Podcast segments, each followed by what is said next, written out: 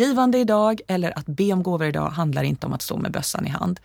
Eh, och det handlar inte om en von oben-attityd, att jag som har ska visa vad du ska göra. Utan givande idag handlar om engagemang.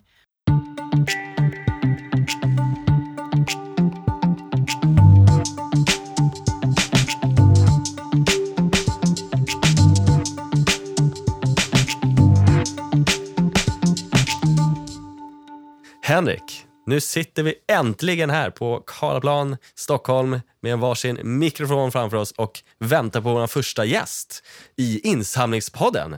Men först, berätta, vad är Insamlingspodden och hur hamnade vi här? Ja, det är oerhört spännande. Och lite nervöst också kan man Verkligen. faktiskt eh, säga. Hur vi hamnade här? Jo, men det var ju du och jag som kände att eh, det måste finnas en podd på svenska för den svenska insamlingsbranschen. Och så fanns det inte det. Och då såg vi chansen, vi startade den. Och det här är första säsongen. Vi eh, tänker oss tio stycken avsnitt. Vi tänker att vi ska träffa profiler i branschen, sådana som har varit med och format den här branschen under 20, kanske 30 års tid. Vi vill också prata med experter, sådana som är väldigt duktiga inom ett speciellt område när det handlar om att samla in pengar. Och så sen så kanske en kampanj och någon enstaka leverantör som får komma hit och berätta lite grann. Så det är väl lite grann hur vi tänker oss insamlingspodden. Ja, jag ser verkligen fram emot det här när du har berättat om det. Ja, visst, det blir askul. Men vilka är då vi? Henrik Östman är jag, Ted Henningsson är du. Vad, vad brinner du för? Ja, precis. Ted Henningsson som sagt. Och eh, ja, nej, men jag vill ju förändra liv. Det är därför man är här i den här branschen. Förändra liv eller förändra världen. Eh, jag eh, kommer själv från en hockeybakgrund. Eh, ishockey har betytt eh, mycket för mig i min uppväxt och i mitt liv.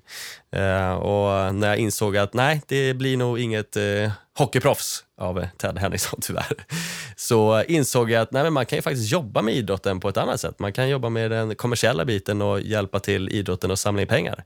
Eh, och då via biljettförsäljning och eh, sponsring och eh, jobbade framförallt med mycket idrottsevenemang, eh, ishockey-VM, fotbolls-EM och sist eh, skid-VM. Sen kände jag mig väl lite mätt på det där och har alltid på något sätt sneglat mot den här branschen för det handlar ju om att förändra eh, Även om som sagt hockey har betytt mycket i mitt liv så är det här att, ha, eh, att förändra världen och liv på en helt ny nivå. Eh, sen var det bara en slump egentligen att det blev just Operation Smile, men det är jag väldigt eh, glad och, och, tacksam för och tycker att det är otroligt kul och jag är väldigt stolt över att jobba med insamling. För att det behövs ju volontärer, det behövs ideellt engagemang, det behövs folk som åker ut på fält runt om i världen, det behövs folk som är ute och demonstrerar. Men det behövs också pengar för att kunna förändra världen och där eh, känner jag att jag har hittat rätt och tycker att det är väldigt kul att få vara en del av den här branschen. Henrik, vad brinner du för? Vad brinner jag för? Jo, men jag brinner ju för en bättre värld. En värld där eh, människor inte svälter. En värld där eh, eh, naturen är i harmoni med oss människor som finns där. Det är det jag brinner för. Eh, och jag har, precis som du, min bakgrund inom den kommersiella idrotten. Jag lärde mig hur man bygger upp och, och ser till så att stora idrottsevenemang går med vinst. Och fick sen en fråga av en organisation i branschen av att komma in och, och göra en insats där. Och Det här var början på 2000-talet och sen dess har jag varit kvar och, och jobbat som kampanjledare, projektledare åt uh, stora organisationer, väldigt många olika organisationer. Eh, och Jag har sett att Visst skulle jag vilja stå där ute på, på fältet. Eh, jobba vid sidan av Dennis Mukwege som fick Nobels fredspris eller jobba tillsammans med Monica Woodhouse som är en stor profil i Sydafrika som Läkarmissionen jobbar. De här människorna har jag då sett att det bästa sätt jag kan hjälpa dem det är att inte finnas där utan det är att samla in så mycket pengar som möjligt här i Sverige för att deras arbete ska kunna fortskrida där nere. Och Det är en himla trygghet och en oerhörd stolthet jag känner att jag får samla in pengar och det är fint att samla in pengar. Och det är ju vad den här podden ska handla om. Härligt. Yes. Nu, eh, slutsurrat från vår sida tänkte jag säga. Nu måste vi bjuda in en gäst också. Nu är det läge att vi öppnar dörren. Som en av våra partners till eh, den här podden har vi ju Fri.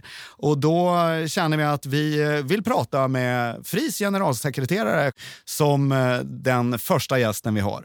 Charlotte Ryd är en kvinna som är jämnårig med mig. Som har... Men känner sig lika gammal som mig. exakt, exakt. Charlotte Ryd har jobbat sedan mitten av 1990-talet i det vi kallar branschen. Hon har då jobbat framför allt åt institutioner, åt universitet, högskolor med att samla in pengar. Och hon har de senaste två och ett halvt åren varit generalsekreterare för FRI. Så att nu tycker jag vi skjuter igång den första intervjun med Charlotte Ryd. Ah. Jättekul att ha dig här Charlotte. Mm. Har du eh, Tack. varit med i någon podd innan? Nej, det här är första gången jag är med i en podd. Ja. Känns eh, kul och eh, spännande. Mm. Ja, jätteroligt att ha dig här. Och vi är också nybörjare. Vi är också nybörjare med att ha poddar. Vi har Så varit vi- med i podd. Men, Ja, det är sant. Vi har varit med i en podd. Fall. Två. Eller har du varit med i två? ja, vi- ja, frågar du så så har jag varit med i tre, men du och jag har varit med i två. Två olika tandläkarpoddar på Tandläkarmässan. Just det, just det, just det. Det var väldigt intressant. Vi, Mm. eh, vi var på tandläkarmässan och blev intervjuade där. I, jag tänkte framförallt på den här blodad tand, men det var en till också, det har du rätt i. Eh, som var otroligt branschspecifikt. Eh, så att vi lyssnade på ett live-avsnitt där och förstod ingenting. Nej. I stort sett. Men och då, det kändes som att det är lite det vi vill uppnå här också. Inte att man inte ska, inte ska förstå någonting, men, men att man ska känna att det är en branschspecifik eh, eh, podd.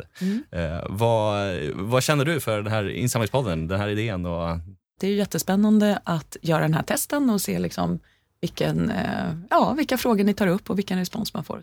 Nu pratar vi fri eh, och, det- och det är ju det, det, eh, det namn som vi i branschen använder. Men egentligen heter ni Frivilligorganisationernas insamlingsråd.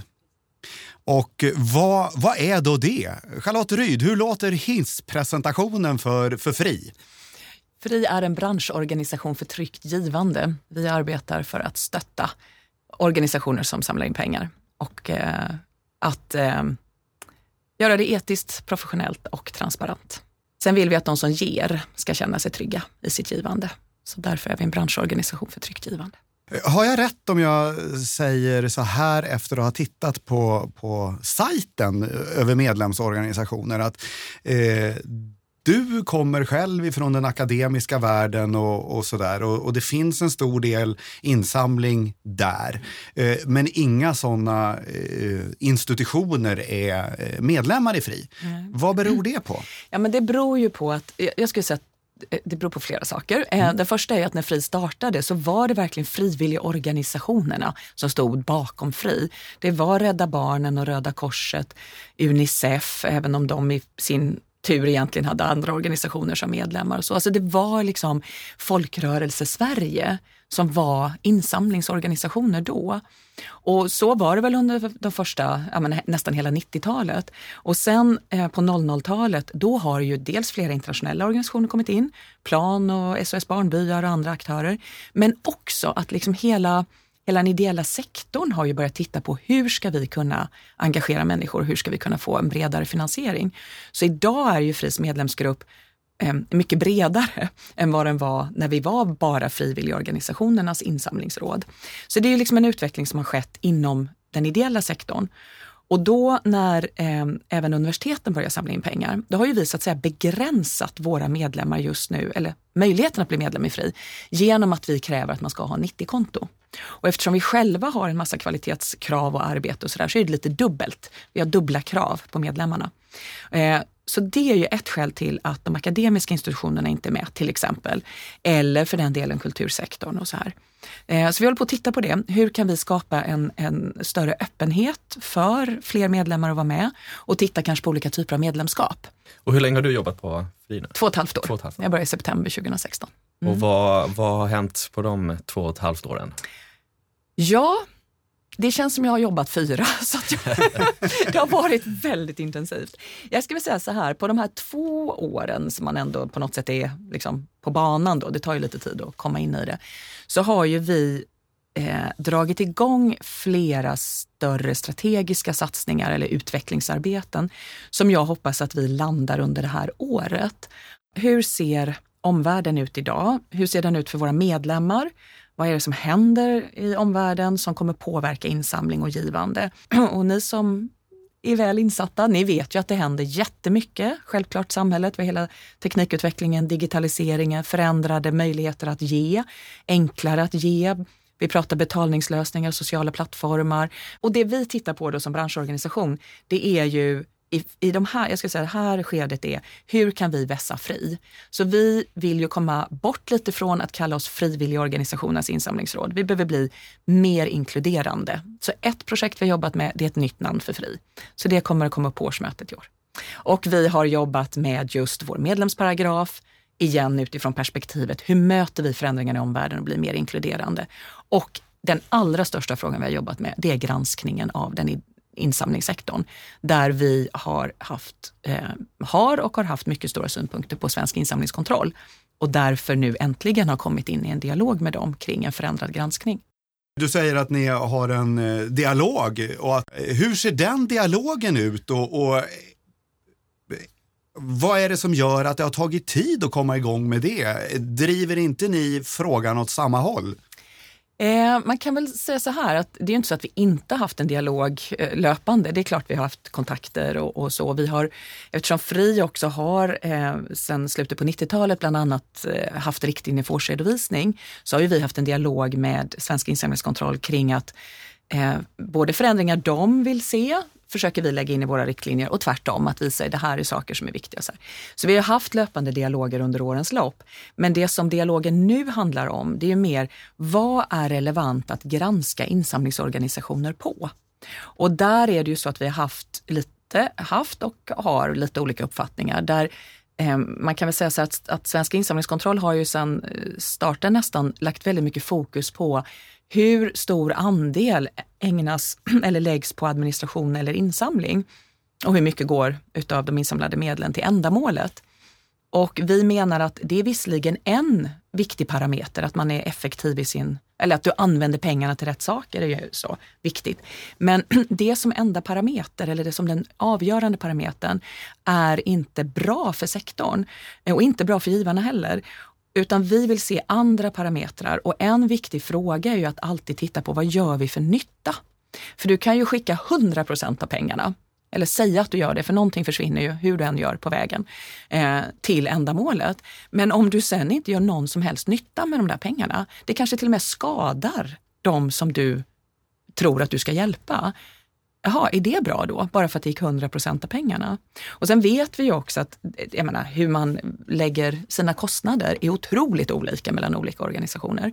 Så det finns ju inget, på ett sätt lurar vi ju givaren genom att säga, ja, vi, vi jämför liksom någon liten organisation eh, i Småland med Rädda Barnen. Jag menar, de har helt olika verksamheter. Eller om du tar en forskningsfinansiär som i princip samlar in pengar och delar ut. De ska väl ha någon typ av eh, nyckeltal medan någon som driver sin verksamhet själv har helt andra nyckeltal. Så att det här är liksom att lyfta, man säger granskningen av insamlingsorganisationer till en mycket mera strategisk och verksamhetsfokuserad nivå så att det hjälper organisationerna. Det vi ser idag det är att sektorn, flera organisationer växer ju inte därför att man vågar inte investera. Och då står det ju still. Då är det ju liksom, ja, då händer det ju inte mer. Men tänk om vi gör jättebra saker och skulle kunna göra ännu mer nytta för ännu fler. Men nej, det gör vi inte för vi vågar inte investera. Det handlar inte bara om svensk insamlingskontroll och administrationskostnader och insamlingskostnader. Det handlar om att hela sektorn, det finns inget riskkapital i sektorn. Så det kan jag gärna prata mer om. men vi kanske men, håller oss till insamling nu. ja, men det är, det, det, vi är ju inne på insamling. Ja. Och vad, men var, varför är, eller hur, hur kommer det sig att det har blivit så? För att det, det, är, ju, är det för att branschen själva har varit så noga med att kommunicera? Så här, det här är våra administrationskostnader. För att det är ju varenda givare där ute, det är första frågan man får. Mm. Vad har ni för administrationskostnader? Mm. Och det känns som att vi som bransch inte riktigt levererar på vad är det då? Vad innebär det? Och att inte ha någon administration, det är ju också ett varningstecken. Precis, det här är exakt. inte en professionell organisation. Ja, ja. Men där är vi inte riktigt Nej, utan vi nöjer oss med att säga att nej, men vi har en låg avgift. Men här tror jag, det här jag har funderat jättemycket på, vad är hönan och vad är ägget? Och jag tror att det är så här att det är klart att om du blir mätt på en, en viss parameter så, så är det ju det du levererar på. Så jag menar, från det att insamlingskontroll har haft det som ett mått så är det klart, då, då är det klart att vi som organisationer svarar upp på det. Likaväl som att det är det givarna frågar efter. Så i botten så, så handlar det ju om att det är det nyckeltalet som man har mätt på eller valt att lyfta fram. Sen kan man ju tänka sig då att om vi som organisationer var lite mer strategiska i vårt eh, tänkesätt så skulle vi säga så här, ja, ja, det är klart, men vi har 25 procent, men vi det är inte det vi fokuserar på. Det viktiga är det här och det här och det här. Eh, eller att man, jag, jag tänker så här, när jag tittar, jag tittar faktiskt runt på några hemsidor här i, i veckan här av andra skäl för att kolla just på hur man formulerar sig. Jajamän, var och varannan. Det är så här, vi har ba, till och med nästan att man skriver bara 10 procent. Eh, och det är klart, att när du bara kommunicerar det, då sätter du ju inte det i relation till någonting annat. Och när du lyfter det först framför att vi har hjälpt så här många barn eller vi har åstadkommit de här sakerna eller vad, jag menar, vad det nu är. Så lite grann, vi hjälper ju till att skapa den bilden hos givarna att det är det de ska fråga om. Istället för att fråga om liksom, hur mycket samhällsnytta per givarkrona. Eh, har ni mätt det? Vet ni hur, liksom, vilken nytta ni gör? Så det där är, jag, jag säger att det är helt klart en symbios i det. Ja, för även den, den här insamlingskostnaden, den är ju inte heller någonting som man pratar, den, den, den bara finns där men man pratar inte om den och det är admin, kostnaden som är den stora grejen. Men att, för det har vi också ett ansvar att berätta att det kostar pengar att samla in pengar. Exakt. Och att de Exakt. givarna som har gett pengar har oftast kostat att få in den givaren. Ja. Och att vi har ett ansvar för deras pengar, inte bara att göra nytta för verksamheten utan också hitta andra givare som, som de själva har engagerat sig i den här Ja. frågan. Ja. Men där känns det som att vi, vi nöjer oss med Och det där tror jag handlar mycket om att vi måste som bransch då, eller som sektor och framför allt den här kombinationen tänker jag av insamlare och kommunikatörer. Det, ansvaret ligger ju där. Det är, det är ju de som måste börja våga kommunicera på ett annat sätt. För jag tror också att det är, här, det är verkligen easy way out. Eh, det är lättare att prata om insamlings eller administrationskostnader än att försöka förklara, för det blir lite komplext. Och, och då tänker jag så här, om man pratar om internationell inspiration, i USA pratar man om donor education. Det handlar om att vi måste också lära givarna hur det funkar. Eh, och jag tycker det är jätteintressant det du, det du lyfter, för det är ju eh, precis det här, är det bättre att jag skickar dina 100 kronor direkt eller att jag använder dem för att få in 10 nya givare? Det betyder att dina 100 kronor blir 1000 kronor. Och den där logiken eh, behöver ju, eh, det kan ju hända att vi inte ens har tänkt igenom det ordentligt internt i organisationerna. Vi är inte tillräckligt duktiga internt på att faktiskt titta på våra egna nyckeltal. Eh, och då generaliserar jag lite, för jag vet att några av er är jätteduktiga. Men, men ändå att, jag tror att det här är en viktig diskussion också för, för sektorn. Absolut. Eh, Men en naturlig fråga blir ju då, vad, vad har Fri för eh, eh, administrationskostnader? Ja men du, vi, hela vår verksamhet är ju administration, på att säga. skojar jag lite. Ja, precis. Nej, men vi, det kan jag säga så här, vi har ju höga administrationskostnader för nästan hela vår verksamhet är ju liksom, det är ju löner och lokaler och, och så. Det som vi försöker göra för att bli mer transparenta mot medlemmarna, det är ju att dela upp vår utbildningsverksamhet, se till att den är självfinansierad. Ehm, det har ju inte alltid kanske varit en målsättning och kanske ännu högre grad att göra det för att se till att den faktiskt genererar intäkter. För eh, vi har ju huvuddelen av våra intäkter från medlemsavgifter. eh, och det finns ju en gräns för. Även, jag menar, eh, vi kan få in fler medlemmar men vi kanske inte bara kan höja medlemsavgifterna när vi vill göra mer saker. Så var hittar vi intäkterna? Och då är ju utbildningsverksamhet en del. Så, men vi har väl, ja det beror på hur man mäter, det beror på vad som är ändamål och vad som är, vad som är administration. Vi har väl vi noll i administration då för hela vår verksamhet. Nej men det där är jätteintressant. Ja. Så det är till er man ska ge pengar? Exakt, helt riktigt. Det tycker jag är bästa slutsatsen av den här podden. Du pratade tidigare om eh, globala givandet och, och eh, hur det ser ut. Då har vi den stora aktören Facebook eh, som har börjat bedriva insamling. Eh, vi har eh, stora globala företag som har foundations där organisationer ju vill att pengarna ändå ska landa i, i Sverige och sen åka tillbaka.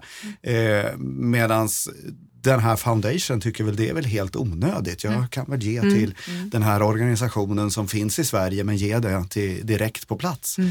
Eh, hur arbetar ni med de frågorna? Jag skulle säga att det är en av de, Eh, eh, så här. Det är klart att vi, kan, vi har ju inte så att vi går till Facebook internationellt och försöker prata med dem ja, i, i eh, Kalifornien, eh, även om man blir hänvisad dit ibland. Ehm, utan vad vi jobbar mycket med är ju dels att väcka medlemmarnas eh, intresse och kunskap kring just det här. Att, att se att det är så här det håller på att förändras. För, för det handlar ju mycket om vad gör vi då? Å ena sidan så finns det ju möjligheter i det. Genom att Facebook har sina olika eh, eh, möjligheter till egna insamlingar eller till insamling direkt till en organisation eller själv och så här, så skapar ju det också en, en helt annan kanal att nå givare eller potentiella givare. Och då är det ju alltid, då är balansgången, ja, men okej, hur mycket är det bra för organisationerna och när ser vi utmaningar i det? Och där har ju vi från och till ska vi säga dialog med just Facebook, ehm, för det är ju de som är störst på det idag. Men nu kommer Instagram och du har Amazon och du har liksom varenda aktör eh, kommer ju eller har lagt på någon form av insamlingsfunktion. Ehm, vi tror ju också att det kommer att bli mer transfereringar som går direkt till olika länder. Men här är det ju sådana, det är såna globala, alltså när vi pratar på den nivån, det är ju sådana globala strömningar. Så att där, där handlar det nog mer om att vi är delaktiga i de internationella diskussionerna med andra, eh, både insamlings, eh, alltså branschorganisationer, men också med andra alltså stora organisationer kring det. Hur ser eh, insamlingen ut i Sverige annars? Vad är, hur ser givandet ut? Ger svenskar mer? Eh, det vet vi ju inte säkert förrän lite senare i år. Eh, vi gick precis ut med ett pressmeddelande kring att vi ser ett möjligt trendbrott när det gäller eh, insamling av gåvor för 2018. Och det möjliga trendbrottet ligger i att det inte är en ökning för första gången på 12 år. Det har i princip ökat någonstans mellan ett par procent upp till 14-15 procent sedan 2006. Om det sen är ett reellt trendbrott, det vet vi inte. Eller om det bara är en, liksom, det här året är en stabilisering. Ehm, det kan också, jag menar, det kan bero på, det vet ju ni, allt ifrån att eh, det har inte varit några stora katastrofer eller eh, stora händelser eh, under 2018 till att ja, vi kanske inte har engagerat tillräckligt väl. Men det intressanta i det vi har fått indikationer kring, det är ju att även organisationer som har minskat sin insamling under 2018 så har det ökat, eller majoriteten svarar ändå att det har ökat bland allmänheten. Så vad vi verkar se 2018 det är att organisationerna har lyckats bibehålla engagemanget och till och med öka det hos allmänheten. Men det är ehm, eh, företags givande eller bidrag som stagnerar eh, och i, i, i vissa fall då minskar. Och när det gäller organisationer så är det lite ja, stiftelser så lite blandat. Eh, men testamenten går också ner. Men det är inte på ett sätt jättekonstigt, för 2017 så var det enorma eh, stora testamenten som bidrog till en väldig ökning. Så att vi ser väl någon slags så här, du vet, eh, det kan, det går pilar i två riktningar.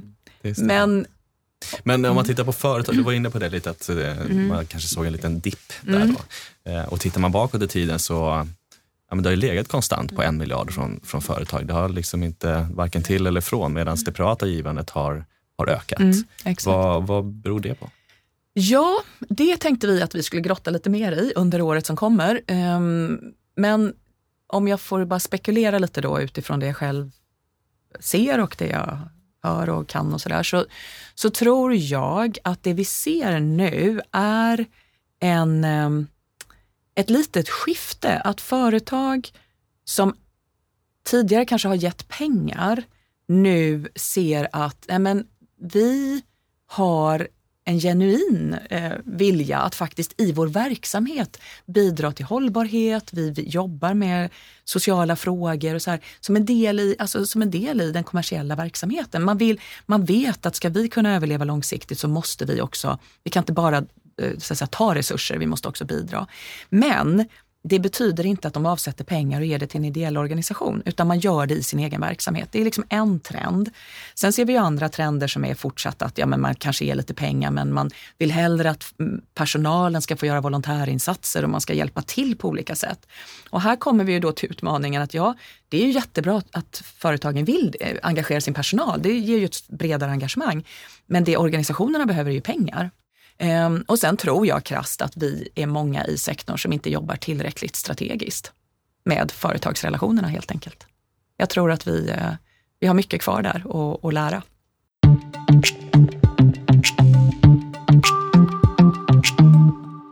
Skattereduktionen. Eh, vi eh, provade ju under några år det i Sverige eh, med alliansregeringen. Och nu så vet man inte riktigt hur det ska bli med den budget som är lagd och, med den eh, regering som vi har och hur de prioriterar. Mm. Men eh, är skattereduktionen en viktig fråga och i så fall hur tycker Fri att den ska landa? Var det som var för några år sedan bra?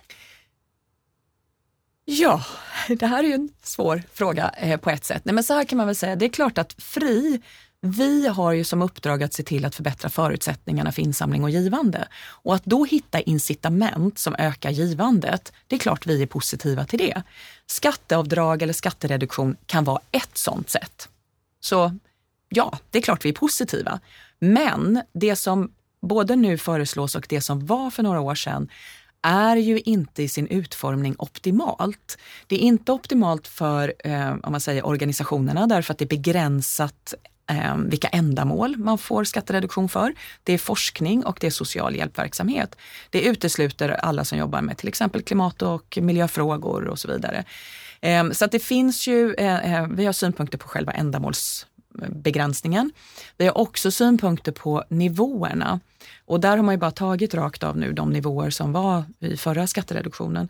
Ehm, men vår synpunkt där är, vi tycker inte att det ska vara ett lägsta belopp för att ge, alltså för att kunna få skattereduktion. Eh, utan ehm, man, jag menar, vi vill, ju, vi vill uppmuntra människor att vara med och bidra, så då vill vi att det ska vara, eh, inte vara en lägsta gräns. Och sen tycker vi att man ska höja eh, gränsen totalt för alltså skattereduktionen som nu ligger på förslag på 6 000 kronor. Vi säger att i ett första steg borde man höja till 10 i alla fall. Ehm, men det fanns ju också en begränsning i att du var tvungen att ge minst 2000 kronor på ett år. Det är ganska få ändå utav de här stora grupperna som, ger, som, som kommer upp i de nivåerna. Så liksom man, man har ju lagt upp ett förslag som på något sätt ändå begränsar ganska mycket vilka som skulle uppleva att det ökar deras vilja att ge. Så det har vi synpunkter på framför allt. Ehm, sen tror ju vi att rent ehm, politiskt så behöver vi få alla de politiska partierna att se att givande idag handlar inte om välgörenhet. Även om det är ett ord som gärna används både av media och företag och organisationer. Men det är inte välgörenhet. Givande idag eller att be om gåvor idag handlar inte om att stå med bössan i hand. Eh, och det handlar inte om en von oben-attityd, att jag som har ska visa vad du ska göra. Utan givande idag handlar om engagemang. Att ge en gåva är ett sätt att engagera sig. Och tittar vi på hur den liksom, svenska modellen ser ut med eh, starka folkrörelser och ett starkt medlemsengagemang och, och nu även volontärer och frivilliga och sådär, så är det här ett, ett tredje ben. Som, med, som eh, medborgare ska du kunna visa ditt engagemang på olika sätt och det kan variera över tid. En period är jag liksom jätteaktiv som volontär i någon idrottsförening eller någonting. Sen kanske jag inte har tid med det, men då väljer jag att ge en gåva. Och, och sen är jag medlem för jag tycker de här sakerna är viktiga. Alltså lite att det, så vi pratar om att här handlar det om att, att vi vill bygga en folklig filantropi. Att det är det som är liksom grunden för varför vi ska ha någon form av skattereduktion. Så det hoppas vi på att vi kan få igenom. Här måste det till liksom en, en långsiktighet i det. Annars, så är, annars kan vi lika gärna strunta i det den här gången och hellre utveckla ett system då som håller eh, över tid. Hur jobbar ni med det då? Är det eh, som House of Cards, det är liksom ett eh, lobbyingarbete av amerikanskt mått eller är det mer svenskt att ni sitter och författar långa promemorior Ja. och skickar ett mejl tre kvarter ner till riksdagshuset? Hur, hur eh, ser det här arbetet Ja, ut alltså från den där? House of Card-bilden var ju rätt skön. Den skulle jag gärna vilja ha. Mm, det var då jag kände så här, jag, säger de det, jag söker jobb. Ja, ja, absolut. Och då skulle jag säga så här, jag skulle gärna köra det. Problemet är ju då tillbaka till att det här kom ju in lite så här från sidan.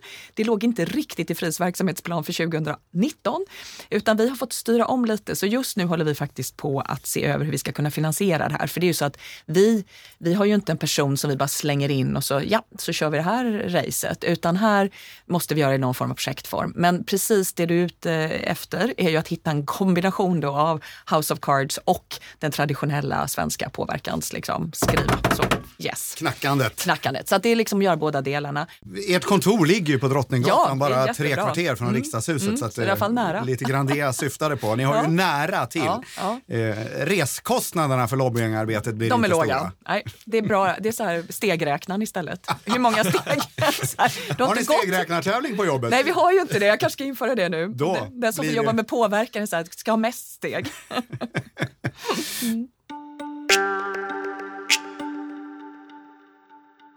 Giving Tuesday. Det är ju en kampanj som ni har eh, drivit eh, sen, hur många år tillbaka då? Ja, vi har ju gjort, vi har formellt varit partner i Giving Tuesday eh, i två år. Eh, och sen då kan man väl säga att första året, 2017, då kom vi in två veckor innan Giving Tuesday. Så det var väldigt så här bara att se till att vi gjorde någon form av plattform för eh, samverkan. Och nu året som gick, 2018, så kan man säga att det var första året vi var lite mer aktiva och så. Och nu hoppas vi på mer aktivitet. Hur jobbade ni med det då förra året och vad är liksom eran ingång i? Ja, men vår ingång i det här och skälet till att vi ansökte om att bli global partner, det är ju att det här är ju inte för att profilera Fri eller branschen eller så, utan här är det ju att vi såg, ja igen, vad är vårt uppdrag? Vårt uppdrag är att förbättra förutsättningarna för insamling och givande. Här är ett sätt att göra det och vår roll i det är ju att vara en eh, plattform eh, eller en eh, facilitator kanske är bättre. Alltså någon som hjälper till, driver på, skapar lite kunskap hos organisationerna så att de i sin tur går ut och gör saker. Men vi är ju inte, eh, så att säga, det är ju inte avgränsat till FRIs medlemmar utan här är det mer att det här är öppet för alla. Det är ju det, är- det, är ju det som är så häftigt med det. Det, är så här, det finns inga, jag menar, ta loggan, gör vad du vill, hitta på något, gör något bra, eh, sprid, dela. Eh, och det vi vill uppnå det är ju att vi får en, så att säga, att vi går utanför FRIs medlemmar och att faktiskt når andra. Eh, och det vi började lite förra året som vi hoppas kunna jobba mer med då för att komma tillbaka till frågan om företagsengagemang, det är ju att visa för företag att det här är ett sätt för dem att faktiskt aktivera sin personal och att få personalen att göra saker som i sin tur gynnar då både organisationer och kanske sammanhållning på jobbet. Att du, det är lite så här, ja men gör något snällt, du behöver ju liksom inte bara ge pengar. Du kan ju ta med dig matlåda till dina kollegor. Eller, alltså du vet så här, det, det, det är ett enkelt sätt att skapa ett engagemang. Men man ser ju också ett problem i USA att eh, Giving Tuesday tar pengar ifrån den traditionella julkampanjen. Eh, och, och det är väl lite grann den känsla man kan ha i Sverige också. Eh, Giving Tuesday, den ligger inte bra till. Eh, för det är ju precis då alla ska dra igång sin, sin julkampanj. Hur känner ni att man ska ligga i balansen där? Eh, jag skulle säga att Giving Tuesday har ett helt annat syfte. Det handlar ju om att mobilisera människors engagemang. Så jag skulle väl snarare se det som en kickstart då till en, om man nu driver julkampanjer. För alla gör ju inte det heller. Det är ju många organisationer som inte har det. Utan här handlar det mer om det här grundläggande engagemanget. När det gäller vissa av våra medlemmar så såg de möjligheten att använda Giving Tuesday för att till exempel inte prata om ge pengar, eller så här, utan det blev en kanal för dem att kommunicera ut till sina medlemmar eller volontärer eller givare. Att få dem att göra. Inte att de ger och puttar in, utan gör, sprid. Så att du får en, en multiplikatoreffekt på det. Så att jag ser det nog snarare som ett, man behöver tänka om i organisationerna om man har den oron. Nu har vi kommit till den här frågan som vi ställer till alla så här avslutningsvis. Eh, och det är, var går gränsen?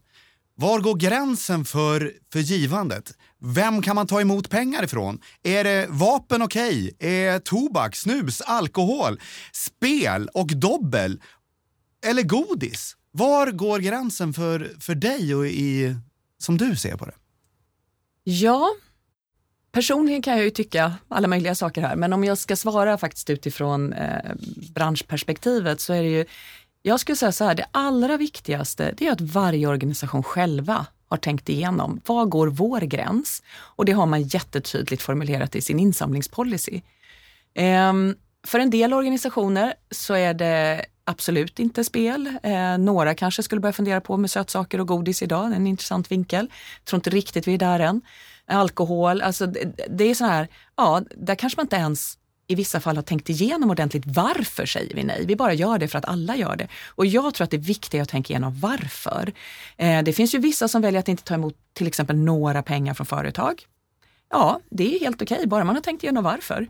Eh, eller eh, tar vi emot eh, testamenten som innehåller eh, delar utav kanske då vapen eller annan typer av eh, alltså aktier i vapenföretag eller vad som helst. Jaha, hur gör vi då? Alltså, du, du hamnar i massa olika dilemman och du, det är liksom att du bara tänkt igenom. All right. Mm. Då tackar vi Charlotte Ryd så hemskt mycket för det här trevliga pratstunden. Tack så vad, vad, vad tyckte du? Jag tyckte det här var jätteroligt. Um, jag pratar ju gärna om mycket. Så att, um, mm. Vi har gillat att du pratade gärna om mycket och jag tycker det har varit jätteintressant samtal vi har haft. Eh, Fri är ju en partner till den här podden och det är väldigt roligt. Eh, och då hoppas vi att det här är en podd som kommer att gå varm uppe på kontoret på Drottninggatan. Eh, det här är första episoden som vi har nu. Eh, vi planerar att ha nio till. Mm. Vad känner du att vi skulle prata mer om? Är det någon gäst du tycker att vi skulle bjuda in? Vad är det ni vill lyssna på där uppe på kontoret uppe på, på Drottninggatan? Nej, men det som vore intressant är ju självklart eh, representanter för några olika typer av organisationer och hur de liksom förhåller sig både till sin insamling och, och givande och sina verksamheter och sådär. Så eh, och då, då tänker jag just att eh, vari, alltså, variera i storlek och ändamål. Så det är väl några av de nio men kommer du på ett namn då så får ju du göra som alla lyssnare. Gå in på Instagram, Instagramkontot Insamlingspodden och skriv namnet och skicka med det som ett eh, tips. Ja, det ska du, eh, en high five. Stort tack för det här. Det blev en high five med Charlotte Ryd som eh, avslutning på den här episoden och första, första intervjun. Precis, avslutning på avsnittet men starten på säsongen. Mm. Och det var ju en mycket bra podd vi hade med henne. Jag gillade det, skulle man väl kunna säga, förtydligandet eller när hon verkligen satte vad Giving Tuesday är. För det är någonting som jag har känt är eh, eh lite flummigt. Vad är det egentligen? Men eh, jag tycker det där fick hon med bra.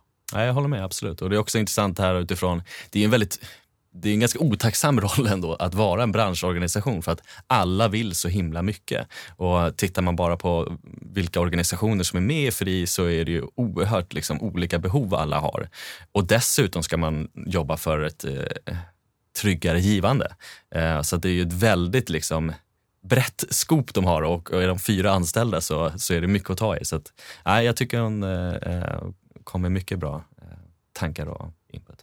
Ja, och det är det är ju en spretig eh, skara. Om vi tar det här eh, som vi, vi pratade med henne om, eh, Blodad hand och den podden och, och eh, tandläkarmässan som vi var på. Där är det ju liksom, ja men de är tandläkare allihop, de som lyssnar på det och de som är med i, i, i den branschorganisationen. Men eh, här är det ju väldigt mycket bredare. Och det har ju kanske också lite grann med förväntningar på, på podden här.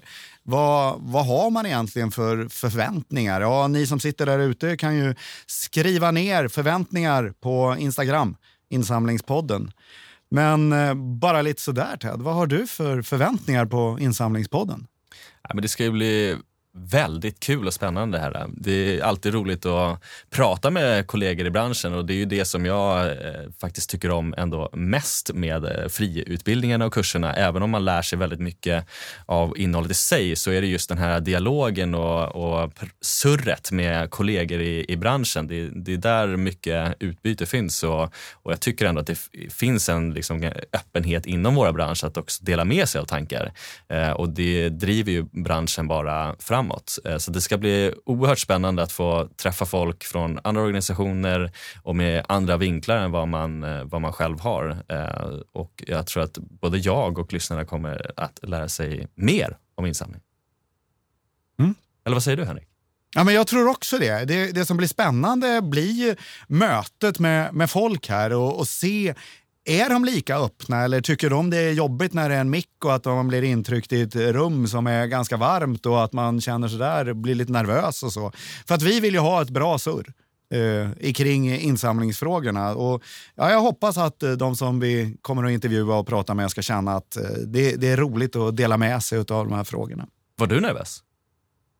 Ja, lite va, lite. Jag kände ju det där. Det var därför jag tog de exemplen. Det är ändå mikrofoner, det är ett varmt rum och det är Kristoffer som sitter där ute och, och, man hör vad han säger till en i hörlurarna ibland. Så att, ja, men lite sådär. Så med det kanske vi lyfter på hatten, säger tack och hej och eh, hörs nästa vecka igen. Eller på Instagram.